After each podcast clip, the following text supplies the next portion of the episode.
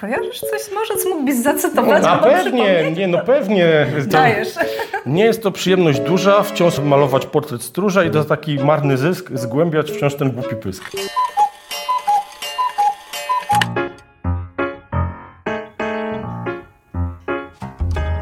Co łączy Witkacego, Jimiego Hendrixa i wszystkich świętych? Czemu żona Iwaszkiewicza kazała zlikwidować ząbki? I czy wypada zaglądać artyście do szafy? O tym wszystkim opowiem już za moment. Nazywam się Agnieszka Kijas i jestem krytykiem sztuki, a wysłuchacie 52 podcastu z serii Dawno temu w sztuce, czyli wszystko, co chcesz wiedzieć o malarstwie, ale bez nadęcia. Uszanowanie, witam Was bardzo serdecznie. Już na starcie mówię, że to będzie zupełnie inny podcast. To będzie podcast, w którym oddam głos.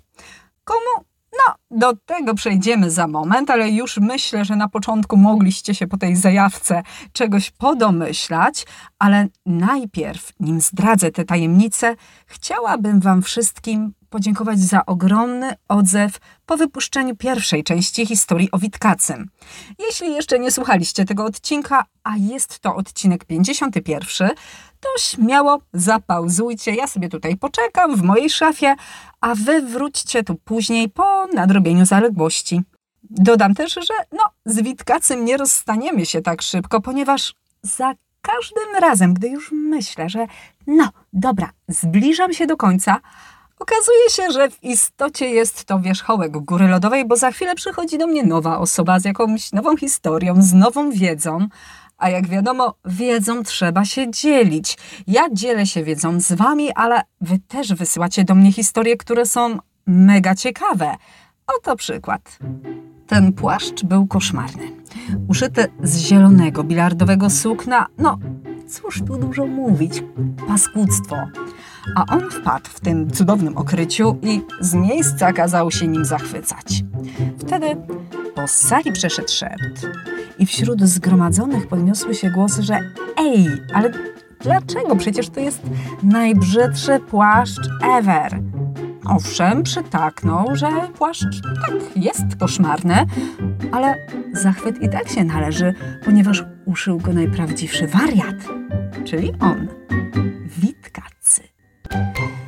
I tę historię, historię zielonego płaszcza, usłyszałam właśnie od Was.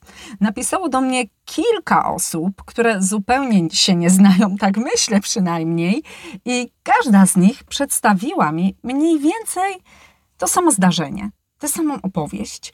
No, oczywiście z drobnymi różnicami. I powiem tak. Całość się zgadza, bo nawet to mi pasuje do tej legendy Witkacego wariata, artysty wariata, który to paradował po krupówkach, no, w papierowej piżamie. Ale czy ta historia wydarzyła się naprawdę?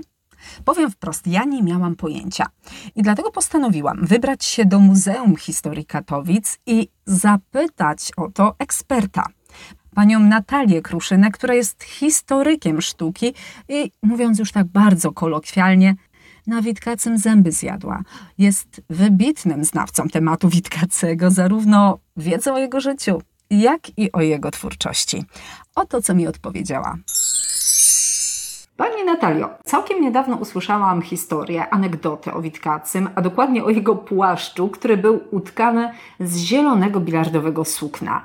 I proszę mi powiedzieć, ponieważ tych mitów i legend krąży sporo, czy ta historia, ta konkretna historia wydarzyła się naprawdę? Czy my jesteśmy w stanie ją zweryfikować? Szczerze mówiąc, z tymi, z tymi legendami, w czym to Witkacy nie chodził i y, co nie ubierał i tak dalej, to bez przesady. To, to są takie plotki właśnie z głuchego telefonu często. W takim razie, jak odróżnić fikcję od prawdy? Jest to trudne. Tak naprawdę. Jest to po prostu trudne i trzeba szukać dokumentów, trzeba szukać świadków, wiarygodnych świadków.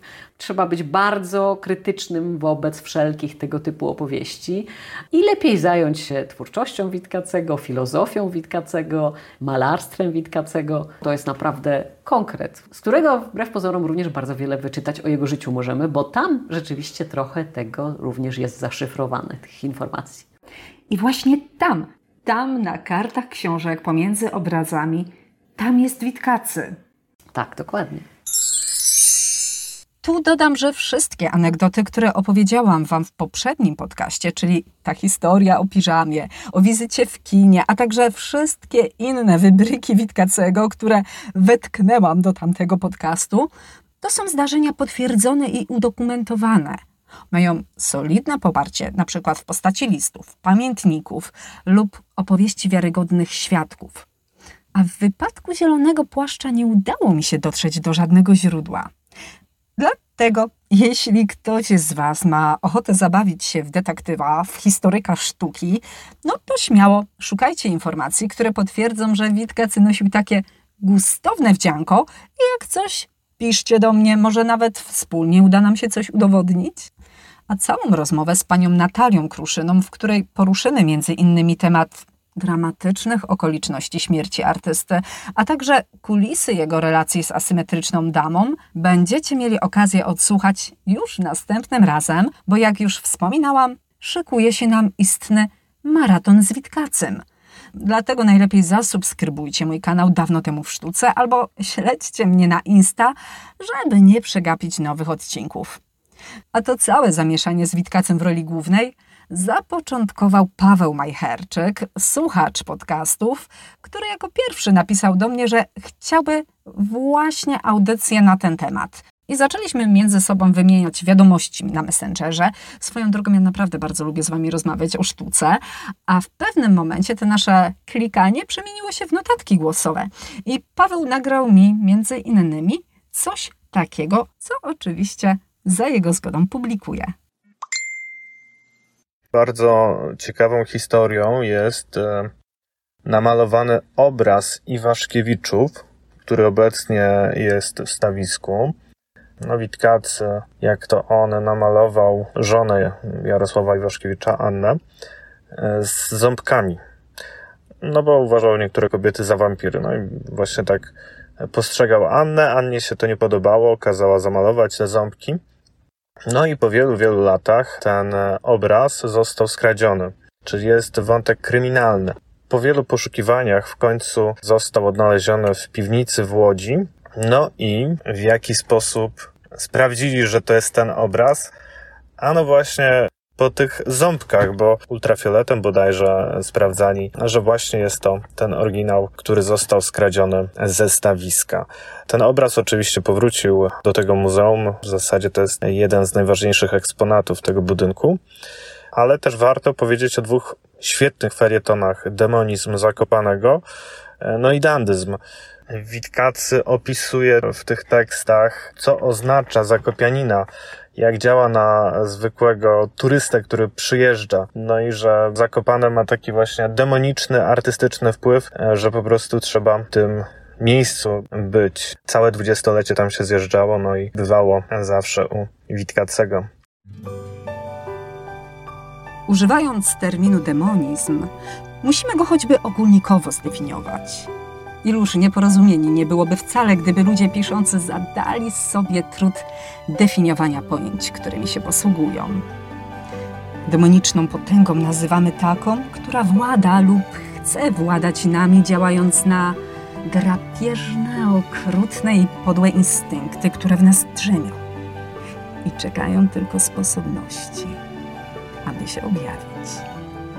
Dla ludzi słabych Zakopane jest prawie tak zabójcze, oczywiście w czasie dostatecznie długim, jak spotkanie z prawdziwie demoniczną kobietą. Nie mówimy tu oczywiście o tak zwanych ludziach zwykłych.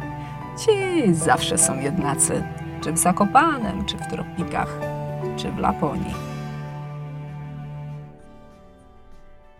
Na szczęście mój gość, którego już za moment Wam przedstawię, nie jest w rozumieniu tej definicji człowiekiem zwykłym. Bo czy zwykły człowiek potrafiłby ożywić kamień? A żeby Wam o tym opowiedzieć, żeby Wam to niejako pokazać, no to najpierw muszę wyjść z tej szafy. Idziemy. Dzień, dobry wieczór. Tym razem witam Was wyjątkowo nie z mojej szafy, a to wszystko za sprawą rzeźbiarza Tomka Węklara, który gości mnie w swojej pracowni. Witam Cię serdecznie, Tomku. Witam wszystkich y, słuchaczy. Znajdujemy się tutaj przede wszystkim dlatego, ponieważ chciałam z Tobą porozmawiać o Witkacym, który, jak mówisz, towarzyszy Ci no, już dosyć sporo w Twojej artystycznej drodze. No to muszę przyznać, że Witkacy jest moim takim ojcem chrzestnym artystycznym. Historia mojej znajomości z Witkacym sięga właściwie czasów jeszcze takich podstawówki, kiedy to u mojego dziadka na półce znalazłem album Witkacego, o. E, rysunki Witkacego. O, to, to był taki chyba te, najbardziej szalony chyba album właśnie, bo tych albumów do dzisiaj uzbierałem sporo, ale te rysunki z wierszykami były niesamowite, bo odkryłem człowieka wesołego, takiego szalonego nawet, a z drugiej strony bardzo inteligentnego. No i jak to dziecko, to wychwytywałem, wiadomo, te, te, te najbardziej takie głupawe wierszyki, natomiast czasem e, no, wpatrzyłem się też w portrety, no bo nikt takich portretów jak Witkacy nie rysował. To trzeba przyznać, ale ja bym chciała do tych wierszyków głupawych, kojarzysz coś? Może mógłbyś zacytować? A pewnie, nie, no pewnie. Dajesz. Nie jest to przyjemność duża, wciąż malować portret stróża i to taki marny zysk, zgłębiać wciąż ten głupi pysk. No ba, no. oczywiście, czyli jesteśmy w tym świecie firmy S.I. Witkiewicz, kiedy to Witkacy musiał troszeczkę sobie przerobić na życie, po prostu chodziło o finanse, no i malował portrety na zamówienie, o czym zresztą opowiadałam w poprzednim odcinku podcastu, podcastu numer 51, więc jeśli nie słuchaliście, to Was tam odsyłam. Natomiast jeden portret Witkacego, asymetrycznej damy, z takimi nogami podkulonymi pod brodę, no Tomek zainspirował Cię do czegoś, bo bardzo podobne wyobrażenie możemy spotkać na grobie pani Eugenii Wyszomirskiej, czyli właśnie asymetrycznej damy. To nawet nie inspiracja, tylko dosłownie próba e, zamienienia pastelowej kreski Witkacego na rzeźbę. I to też jest tutaj taka ciekawa historia, która ma genezę dużo wcześniej. Mhm. Zaczęła się właściwie przypadkiem jeszcze w liceum, kiedy to całą szkołą poszliśmy na koncert pana Mizerskiego, który grał do portretu Witkacego. No i wtedy, nie dość, że on ciekawie grał na kontrabasie, to jeszcze te portrety. Nagle się okazało, że Witkacy jest w zasięgu ręki w Katowicach i to w takiej kolekcji. Minęły może dwa lata. Ja jako pracę dyplomową w liceum wziąłem sobie portret e, właśnie Witkacego, wyrzeźbiony w drewnie. I ja tu widziałam szkic do tego portretu u Ciebie w pracowni. To jest taka bardzo charakterystyczna, duża głowa, tak? To właściwie model, który rzeźbiłem w glinie i który później był jakby przenoszony w drewno. Więc rzeźba drewniana została wykonana w liceum. Model do mnie wrócił jako rodzaj takiego roboczego. No i tutaj zaczyna się historia współpracy z Muzeum Historii Katowic. Trafiłem tam na wystawę właśnie portretów y, pani Wyszomirskiej. No zauroczyły mnie, ta cała kolekcja, że ich jest tyle i to tak blisko. No i tak można powiedzieć, tak to u młodego człowieka bywa, no stwierdziłem, no fajnie by było do tego Witkacego się w jakiś sposób dołożyć. Poszedłem tak wprost do pani dyrektor, że robiłem głowę Witkacego i czy ona mogłaby stanąć koło tych portretów. A pani dyrektor stwierdziła, czemu nie, tylko że trzeba ją przywieźć. Zdjęcie najpierw no i właściwie jak ta rzeźba tam stanęła, to już nie wyszła z tego muzeum, bo muzeum e, zakupiło ją później tam e, od szkoły. Rzeźba została i tam cyklicznie pojawia się przy okazji tych portretów Witkacego. A kilka lat potem zwróciła się znowu pani dyrektor Muzeum Historii Katowic z tematem, czy wyrzeźbiłbym asymetryczną damę na jej nagrobek mm. na cmentarzu na francuskiej. A że ja te portrety już miałem przeanalizowane, przerobione, miałem swoje ulubione, więc wybrałem jeden z tych ulubionych. No i ulepiłem go. No i ten ulubiony, to trzeba przyznać, że to jest ten portret typu C, który Witkacy malował dla swoich przyjaciół, no i też pod wpływem tego i owego. No i w, tym, i w nim jest ta drapieżność. I ta kobieta jest taka, to jest właśnie kobieta, którą on widział znaczy ten typ kobiety, który Witkacy tam widział, bo to, to była ta nie dość, że asymetryczna dama, to jeszcze była y, ta jej drapieżność, ta płomienistość taka wyrażona przez te takie cięte kreski, znaczy ja tam po rzeźbiarsku mówię cięte kreski, u niego te kolorowe pastele jak noże tam wokół niej, a ja to później spróbowałem przerobić, żeby oddać temu taki sam ten dramatyzm i, i, i, i tą taką właśnie też tą niespokojną kobiecość, którą on tam uchwycił w rysunku, wyrzeźbić na grobie. Ktoś może powiedzieć, to takie trochę nie pasuje, że na grobie, gdzie człowiek przychodzi w wspomnieć kogoś zmarłego, pojawia się taki ekspresyjny element. A z drugiej strony właśnie ta przekora Witkacego w tym jest i można powiedzieć, że nawet z zagrobu przekorny Witkacy tutaj troszkę moją ręką, panią asymetryczną, jeszcze raz tą asymetryczność podkreślił. Myślę, że ona byłaby zadowolona z tego sposobu zaprezentowania, ponieważ ta kobieta też miała swój ciekawy i barwny charakter. Zresztą sam fakt, że Witkacy sportretował ją tyle razy, bo bodajże tych portretów Dużo jest było. blisko 100. Przetrwało jakiś fragment, tam chyba 27, 25, już nie pamiętam dokładnie liczby. Część w ogóle zaginęła w czasie wojny, została Część zniszczona. ona zniszczyła też. Ona też tam podobno, te na których... y, I tutaj ta kobieca próżność jednak wzięła górę, bo zniszczyła te, na których się nie podobała sobie, nie? W związku z tym patrzymy na kobietę piękną, na tym akurat portrecie demoniczną. I to jest właśnie bardzo ciekawe, że u Witkacego mamy kolor, a u Ciebie zamiast tego koloru jest to takie charakterystyczne cięcie. Trudno jest rzeźbiarzowi przełożyć czyjąś wizję z no jednak kolorowej pasteli na, na, na, na kawałek to właściwie w czym ty E, rzeźbisz? A to była, to była rzeźba w glinie, W glinie. e, i ona była odlana później w tworzywie, które imitowało brąz z racji tego, że taką powierzchnię brązu dać na grób w otwartej przestrzeni trochę było ryzykowne, więc uznaliśmy, że będzie to odlew, który będzie imitacją. Okej. Ale rzeźba była rasową rzeźbą, e, wykonana po rzeźbiarsku, gliniasto, nerwowo i z zadziorem. A powiem tak, czy, czy to jest takie wyzwanie? Tu w świecie artystycznym wiadomo, że są same indywidualności i rzadko kiedy ktoś z kim współpracuje. Współpraca z Witkacem wydaje mi się w ogóle niemożliwa z racji dystansu czasowego, chyba że w najbliższym czasie ktoś opracuje wehikuł czasu i będzie taka możliwość, żeby on mnie sportretował, a ja jego. Ojejku, zabierz mnie wtedy No ze sobą. Mam parę takich miejsc, w które bym się właśnie wtedy przemieścił, jak, jak posiądę to urządzenie. To gdzie jeszcze? No, na pewno no, na jakiś koncert Hendrixa, ale taki kameralny, na którym będę mógł z nim sobie porozmawiać. I tutaj kilka takich Hendrixów drucianych masz, ale z tego co wiem, więcej jest w domu u Ciebie. Tak, nie, no, Jimi Hendrix musi mieć dom, a użyczyłem mu swojego. Mieszka w iluś egzemplarzach. Ale nie tylko Jimi Hendrix, bo jak już tu jesteśmy, jesteśmy w Tychach, w naszej miejscowości, to musimy wspomnieć o Rysiu, o Ryśku Rydlu, wokaliście dżemu, którego także y, rzeźbę wykonałeś. Tak, i można powiedzieć, że ta rzeźba, która jest, to jest jeden kadr spośród wielu pomysłów, które się zrodziły, bo tych ryśków też z racji muzyki, którą właściwie no, jest inspirująca, jest niesamowita, a patrząc w dzisiejszym plastikowym świecie jest też y, niesamowicie szczera i autentyczna, czego brakuje współczesnej muzyce. I powiedz coś o tej rzeźbie, jak ona wygląda, bo myślę, że nie wszyscy słuchacze mają świadomość. Jest to rzeźba miejska, idealnie wkomponowana w przestrzeń. To jest rewelacja. No, dajesz. Chodziło o to, żeby Ryśka wyrzeźbić tam, gdzie ja go osobiście widziałem, a że widziałem go tak na żywo, jako taki licealista raz właśnie na przystanku autobusowym. To było niesamowite, bo to do dziś patrzę, widzę tą scenę tak jak wtedy. Jechałem autobusem wracając tam z Katowic, znaczy autobusem numer 4 i na wysokości urzędu, stojąc przy oknie, patrzę po drugiej stronie na przystanku w stronę Katowic, stoi Rysiek. I był niesamowity, bo wśród tych takich wszystkich szarych i jednakowych ludzi stał taki po prostu kowboj. Facet w kapeluszu, w skórze. No, był tak niesamowity, że no, nie mogłem go nie zauważyć. Powiem tak, do dzisiaj żałuję, że nie wysiadłem wtedy i nie poszedłem, żeby go zobaczyć y, bliżej. No ale tak to już jest. Dzięki temu pozostały marzenia, a że nimi żyjemy jak, jak królowie, jak to Rysiek tutaj śpiewał, to te marzenie się w końcu zrealizowało w postaci rzeźby. I mogłem go sobie jakby wydobyć z wyobraźni i go tam utrwalić. Ale jest to Rysiek wytrącony z równowagi. I Jest to on jest specjalnie wyrzeźbiony tak, że się wychyla, że właśnie to jego życie było takie, ono nie było e, równe. Ono właśnie było takie często na granicy balansu, często poza już tym e, punktem e, ciężkości.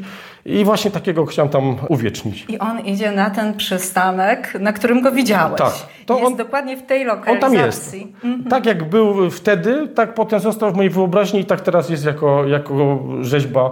I, I nawet niedawno przechodziłem, to tak, aż się człowiekowi tak robi ciepło na sercu. Akurat przechodziłem i jacyś ludzie się przy nim zatrzymali, robili sobie z nim zdjęcie i to takie było naturalne i tak mówię, to Rysiek żyje, nie? Tak, ale jeszcze w dobie pandemii ja widziałam, że Rysiu miał maseczkę, czyli O nie, nie stosował widziałem. się do zapisu. Czyli- Tak, ubrano mu maseczkę i Rysiu grzecznie szedł na przystanek, szkoda, że nie się widziałem. do wymogów. Szkoda, że nie widziałem ten, no to, no, czyli stał się nawet tutaj w tym przypadku dobrym przykładem.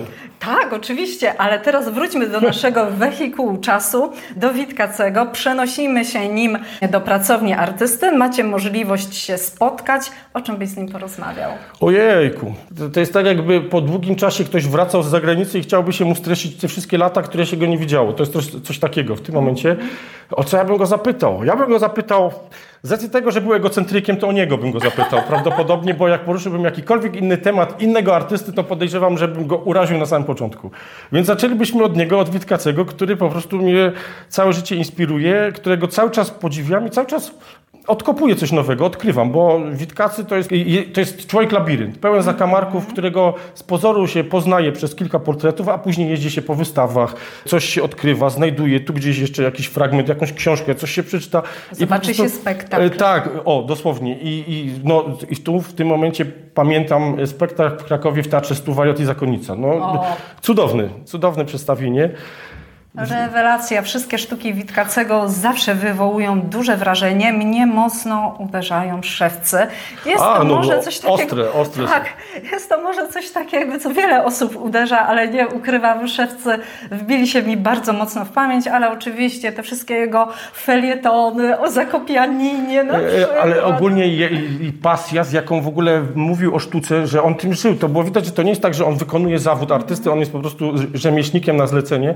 On tym żył. On nawet jeśli pisał już o tych portretach, że nieszczęsny musi je rysować, bo zresztą w wielu listach można by było powiedzieć, przeprowadzić rodzaj takiej analizy księgowości nawet, gdzie Witkacy wiecznie od kogoś pożycza pieniądze albo pisze, że odda jak będzie miał i to jest też taki labirynt y, pieniędzy, które nigdy nie istniały i nigdy nie wróciły do, do właścicieli, ale, ale pozostały portrety, tak, ten wierszyk o tym dentyście, nie? że tam z tymi zębami te portrety tam też był fajny, tylko już go nie, nie przytoczę, ale też różne cytaty z, z małego dworku, tam właśnie płakał i gryzł paznokcie ubabrany w mące po łokcie. No takie zestawienia, no cudowne, cudowne wierszyki, którymi staram się zarazić teraz kolejne pokolenie, czyli moje dzieci. Gdzie ten Witkacy, jako mój ojciec chrzestny, no musi być znany przez resztę rodziny, przez kolejne pokolenia, więc tak.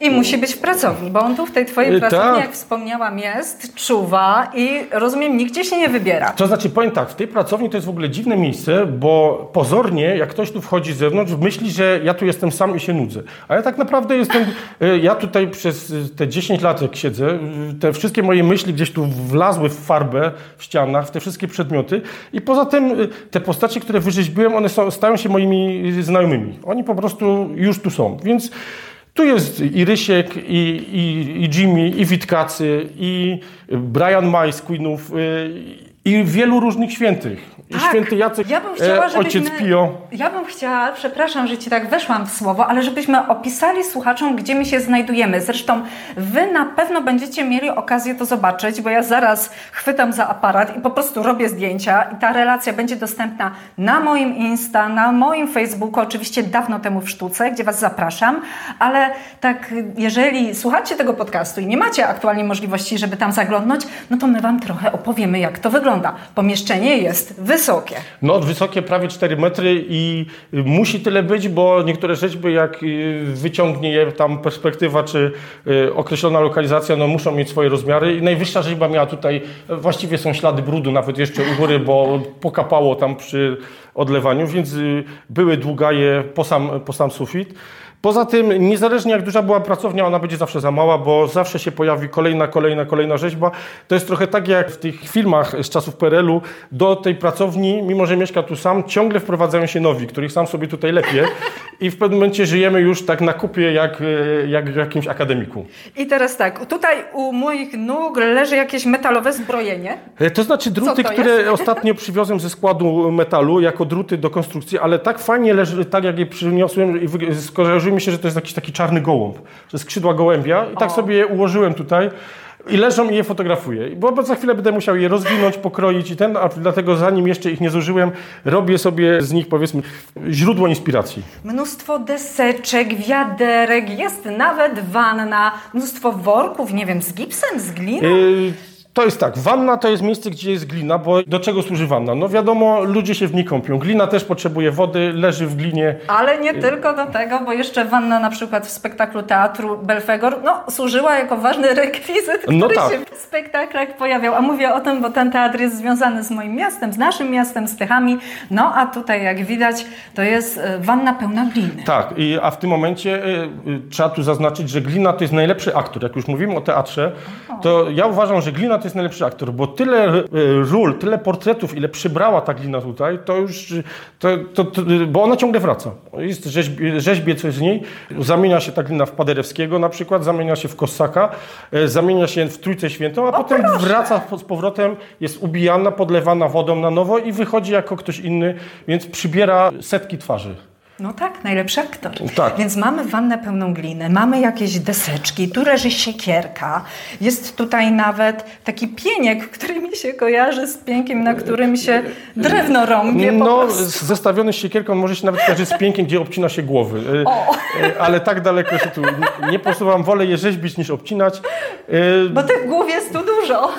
E, A deseczki to zawód rzeźbiarza jest zawodem bardzo takim wielo, powiedzmy, płaszczyznowym, bo trzeba być tym artystą, żeby tą wizję zobaczyć, mieć ten pomysł, ale trzeba być też takim e, w tym momencie człowiekiem e, długodystansowym, maratończykiem, który tą wizję plastyczną utrzyma tak długo, zanim ją zdąży ulepić, a żeby ulepić to potrzebuje właśnie sztachet różnych konstrukcji drucianych, poskręcać musi to w imadle, pozbijać, e, zrobić podstawę, wykonać szereg prac stolarskich, nawet czasami ślusarskich, pospawać coś i na końcu jeszcze wyrzeźbić i żeby to zachowało ducha, żeby to robiło wrażenie, że powstało od niechcenia. Ogólnie, jeżeli chodzi o te pracownie, to mamy też parapety, które są po prostu wykorzystane w 100%. Tutaj nie ma właściwie, moi drodzy, wolnej przestrzeni, jeżeli chodzi o, o, o parapety, półki. Wszystko jest wypełnione, ale jest jeszcze coś. Ja tutaj widzę radio. No podstawowy ten, podstawowe, to znaczy nawet nie radio, y, to znaczy radio chyba nie działa w tym urządzeniu, nawet nie próbowałem odpalać. To jest y, urządzenie, z którego odtwarzam sobie swoją muzykę. Nie muszę, nie słucham niczego takiego zewnętrznego, narzuconego, ja sobie na pendrive'ach przynoszę muzykę, którą lubię. Mam tutaj kilka takich pendrive'ów i w zależności od tego, y, co robię, to odpowiednią muzykę puszczam do tego. Więc jest y, Hendrix, który inspiruje, ym, jest Black Sabbath, który podtrzymuje człowieka podczas długodystansowych jakichś działań z odlewem gipsowym. Nawet można powiedzieć, że w pracowni się muzyki inaczej słucha niż w jakim innym miejscu, bo w domu, czy gdzieś tam, czy z YouTube'a, zawsze jest ktoś, zawsze ktoś przeszkadza, powiedzmy, nawet y, rytm życia nie ułatwia tego. A pracownia działa, to jest taki, ja to nazywam, że to jest efekt wrzeciona, że ja sobie tutaj y, stoję, rzeźbię, ta muzyka płynie przeze mnie, ja ją przetrawiam jakoś i, i ona jest właściwie współautorem niektórych prac. Tomku, a nad czym teraz pracujesz? Jaka muzyka Ci w tym towarzyszy? To właściwie to pracuję nad modelem portretowym, akurat na zamówienie. Równocześnie mam tu też e, Matkę Boską Miłosierną jako projekt i jeszcze przy okazji swoje własne rzeźbki też wycinam. A to swoje własne, to co to będzie? E, No na przykład... O, tak przyszedł mi do głowy pomysł na Kazimierza Wielkiego. No proszę. Króla wyrzeźbić, ale nie tak go wyrzeźbić jak pomnikowo, tak monumentalnie, tylko bardziej tak baśniowo, jak, jak dziecko słyszy słowo król i słyszy o nim opowieści, że ten król tam tą Polskę zastał drewnianą, został wymurowaną, to zaczynasz sobie go wyobrażać jako takiego króla, który może jest jak wielka góra, który zamiast na szczycie korony to jest jakieś takie zamczysko, które majaczy, jest to portret, ale może to być zamek na szczycie góry i coś takiego wpadło mi do głowy i zanim uleciało, zdążyłem to wyrzeźbić. No proszę, czyli teraz w tym kierunku idziemy. Okej, wróćmy na koniec naszej rozmowy do Witkacego. Jaki jest Twój jego ulubiony obraz? Och, to jest tak jakby zapytać, która piosenka Hendrixa jest ulubiona. To może takich kilka typów No, na pewno- poszli w jakimś kierunku. Co najbardziej? Czy właśnie te portrety w pastelach? Czy może jednak jego malarstwo olejne? Fantazja bajka, dajmy na to przecież. Właściwie on jest niesamowity z racji tego, że można się nim delektować na wielu płaszczyznach. Na przykład jego podróż z, z Bronisławem Malinowskim zaowocowała tymi obrazami takimi hinduskimi jakimiś. Te, Takim te- trochę gogenowymi? Też, też ta, ta płaska plama, taka gogenowska, zresztą on tam swego czasu kształcił się u Ślewińskiego, te wpływy Gogena też tam przenikały i to zawsze mnie fascynowało, ale równocześnie portrety, myślę, że te właśnie nie te robione na zamówienie, tylko te dla znajomych, te, które, gdzie było to studium jednak tego portretu, tego charakteru, to spojrzenie w tych portretach, tam na przykład te portrety Neny Stachurskiej, y, nawet z tym takim jaszczurzym językiem czy coś, no niesamowite, robiły na mnie wrażenie te księżyce gdzieś tam latające, oni jako, jako robaki z, z ogonami skorpionów, no, no coś niesamowitego, po prostu taka bezgraniczna wyobraźnia fascynująca. Ale też seria Skuszenie Świętego Antoniego Tak. to też jest niesamowita. Jest to temat, który wielu malarzy podejmowało. Salvador Dali No przecież. A, a Witkacy zrobił to po swojemu. Są tam motywy trochę góralskie, trochę... mm, Zresztą Witkacego można tak studiować w tych wielu płaszczyznach, że oglądamy obraz, ale czytamy jakąś jego książkę i on tam opisuje jakiegoś malarza, którego sobie wymyślił. I ten malarz jest tak naprawdę fragmentem jego osobowości. I on w tej książce z taką pasją, ten malarz opowiada o tym malowaniu, że ja widzę ten obraz i wiem, który obraz celować, który omawia właśnie opisując. Więc y, podziwiam go jako tego takiego człowieka. y, On, on właściwie swoje życie poświęcił sztuce. Świetnie, że to powiedziałeś, bo faktycznie tak jest, że czytając jakąś jego rozprawę filozoficzną i oglądając jego obrazy, my w pewnym momencie możemy powiedzieć: Ej, ja poznaję tego bohatera, on przecież występował w tamtej sztuce. Wtedy wydaje nam się, to takie połączone, skondensowane. Często jednak jest tak, że zatrzymujemy się tylko na tym pierwszym odbiorze, że podchodzimy, widzimy obraz, widzimy rysunek i zatrzymujemy się na tym, co widzą nasze oczy. Rzadko kiedy wnikamy głębiej, a warto wniknąć głębiej, bo tam kryje się tajemnica prawdziwej sztuki, intelektualisty, pracocholika, ale także człowieka niesamowicie serdecznego, szalonego, od którego myślę, że ciągle jeszcze możemy się wiele nauczyć i do którego jeszcze chyba wszyscy nie dorośliśmy. Tomku, bardzo dziękuję Ci za to spotkanie. Niech Witkac będzie z nami. Tego, tego nam i sobie życzę I dziękuję także za to, że mogłam rozejrzeć się po Twojej pracowni, a teraz już w ekspresowym tempie przenosimy się z powrotem do mojej szafy. I co, podobało się? Mam nadzieję, że tak, zwłaszcza, że w kolejnym odcinku również planuję wywiad i tak jak już wspominałam, będzie to wywiad z panią Natalią Kruszyną z Muzeum Historii Katowic. A oto taki przedsmak tego spotkania, żeby Wam zaoszczyć apetyty.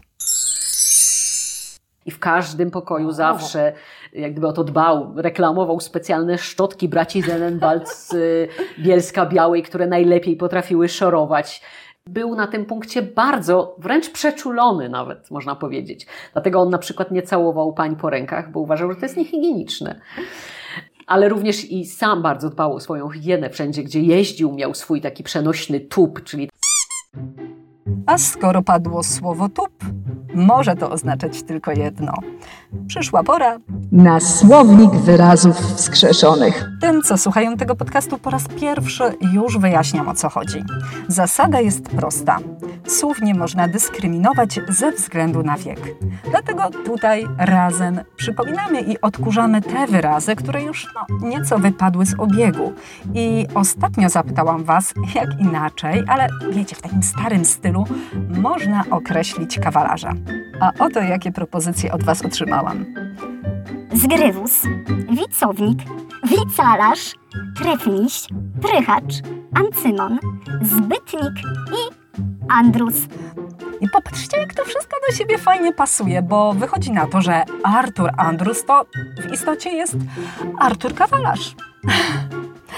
W tym tygodniu natomiast zajmiemy się słowem tup.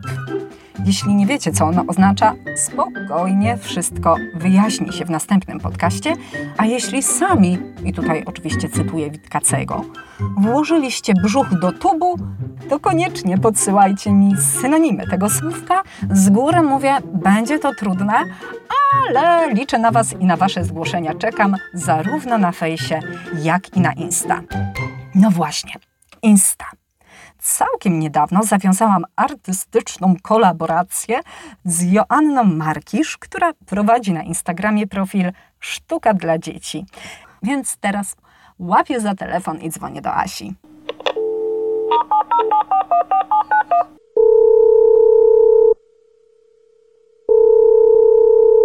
Halo, halo, dzień dobry Joasiu, jesteś tam? Jestem, dzień dobry. Cześć, witam Cię bardzo serdecznie. Właśnie nagrywam podcast i dzwonię do Ciebie z mojej szafy. No, jak mi miło.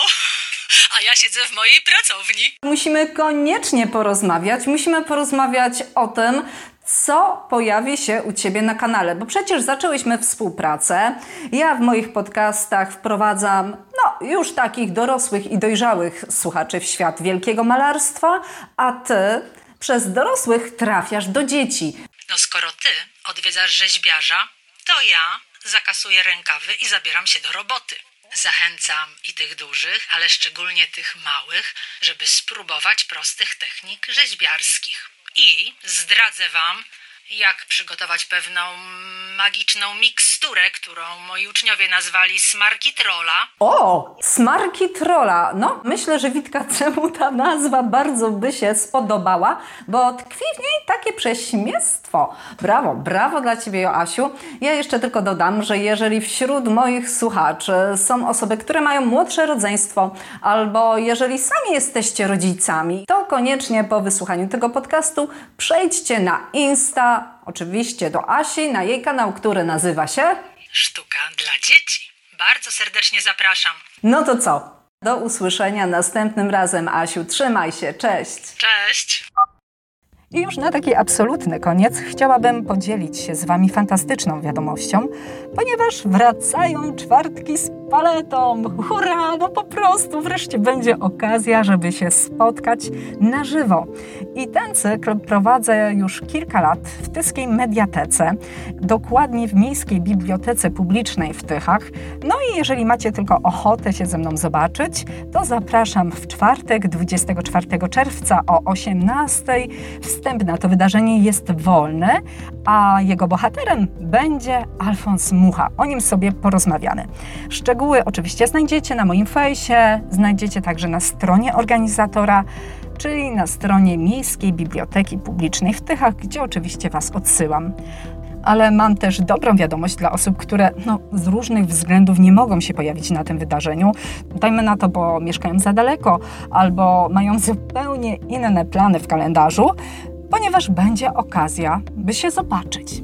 Otóż będziemy mogli się spotkać dzięki Ani. Ani, która prowadzi kanał Historia Sztuki na 100. To jest kanał, to jest profil na Insta, to jest profil na FB. Ja go Wam serdecznie polecam, bo ta dziewczyna jest po prostu mega pozytywnie zakręcona na punkcie sztuki i o tym, co ona tam wymyśliła, myślę, że najlepiej będzie, jak opowie Wam sama. Posłuchajcie. Cześć, tu Historia Sztuki na 100. Chciałabym Was serdecznie zaprosić na wywiad, który odbędzie się 27 czerwca o godzinie 18 na moim kanale na YouTubie. Z panią Agnieszką Kijas porozmawiamy m.in. o zawodzie krytyka sztuki, pasji do historii sztuki, nagrywaniu podcastów oraz o szerzeniu wiedzy o sztuce w internecie. Dostęp do transmisji na żywo wywiadu będzie możliwy po zapisaniu się przez formularz udostępniony na mojej stronie na Facebooku, która nazywa się Historia Sztuki na 100 i otrzymaniu linka. Serdecznie zapraszam. Fabulous! I to by było na tyle. Zostawiam Was już z muzyką Hani Derej. Niech ona towarzyszy Wam trochę w takim rozmyślaniu nad Witkacym, niech ona towarzyszy Wam trochę w rozmyślaniu nad tym, co można zobaczyć w pracowni rzeźbiarza. Może ktoś z Was sam złapie za glinę i ulepi z niej coś, co na początek Waszej twórczości. Oczywiście do tego Was serdecznie zachęcam, a my spotkamy się już niebawem. Oczywiście na dawno temu w sztuce. Mówiła dla Was Agnieszka Kijas, krytyk z sercem do sztuki. Do usłyszenia.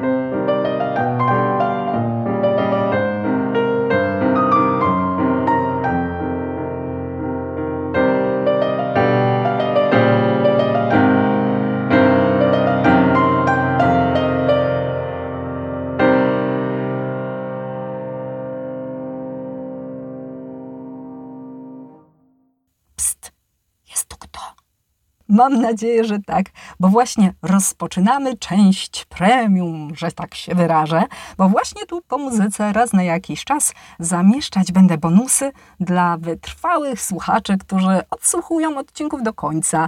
I oczywiście bardzo Wam za to dziękuję, jeżeli dotrwaliście do tego momentu. A tym razem bonusowo przeczytam Wam fragment książki Jana Brzękowskiego w Krakowie i w Paryżu Wspomnienia i szkice. Zaczynam. Pewnego wieczoru, a było to w zimie, Witkacy zaproponował, że zrobi mój portret. Nie uśmiechało mi się to zbytnio, gdyż obawiałem się, że pociągnie to ze sobą kilka długich i męczących seansów. Ale nie śmiałem odmówić. Witkacy posadził mnie w fotelu, wyciągnął wielką kartę niebieskiego papieru i zabrał się do roboty. Byłem bardzo zdumiony, gdy w pół godziny później oznajmił mi, że skończył pracę. Nosiłem wtedy brudkę w kształcie łopatki. Witkacy zrobił mi ogromne, znacznie większe niż w rzeczywistości czarne oczy i wokół twarzy namalował wiele żółtych kresek, co sprawiło wrażenie błyskawic lub płomyków. W sumie dało to portret stosunkowo realistyczny, na którym sprawiałem wrażenie Mefista. Oczywiście nie mogłem odmówić przyjęcia tego portretu, który okazał się bardzo pożyteczny. Przez pewien czas zawieszony w mieszkaniu służył do straszenia niegrzecznych dzieci. Jak nie będziesz jadł, Janek zejdzie z obrazu, a wtedy zobaczysz. No, jak widać, sztuka bawi i wychowuje, a ja już się z wami żegnam, ściskam was mocno, mocno, mocno, pozdrawiam serdecznie i do usłyszenia w kolejnym podcaście. Pa, pa.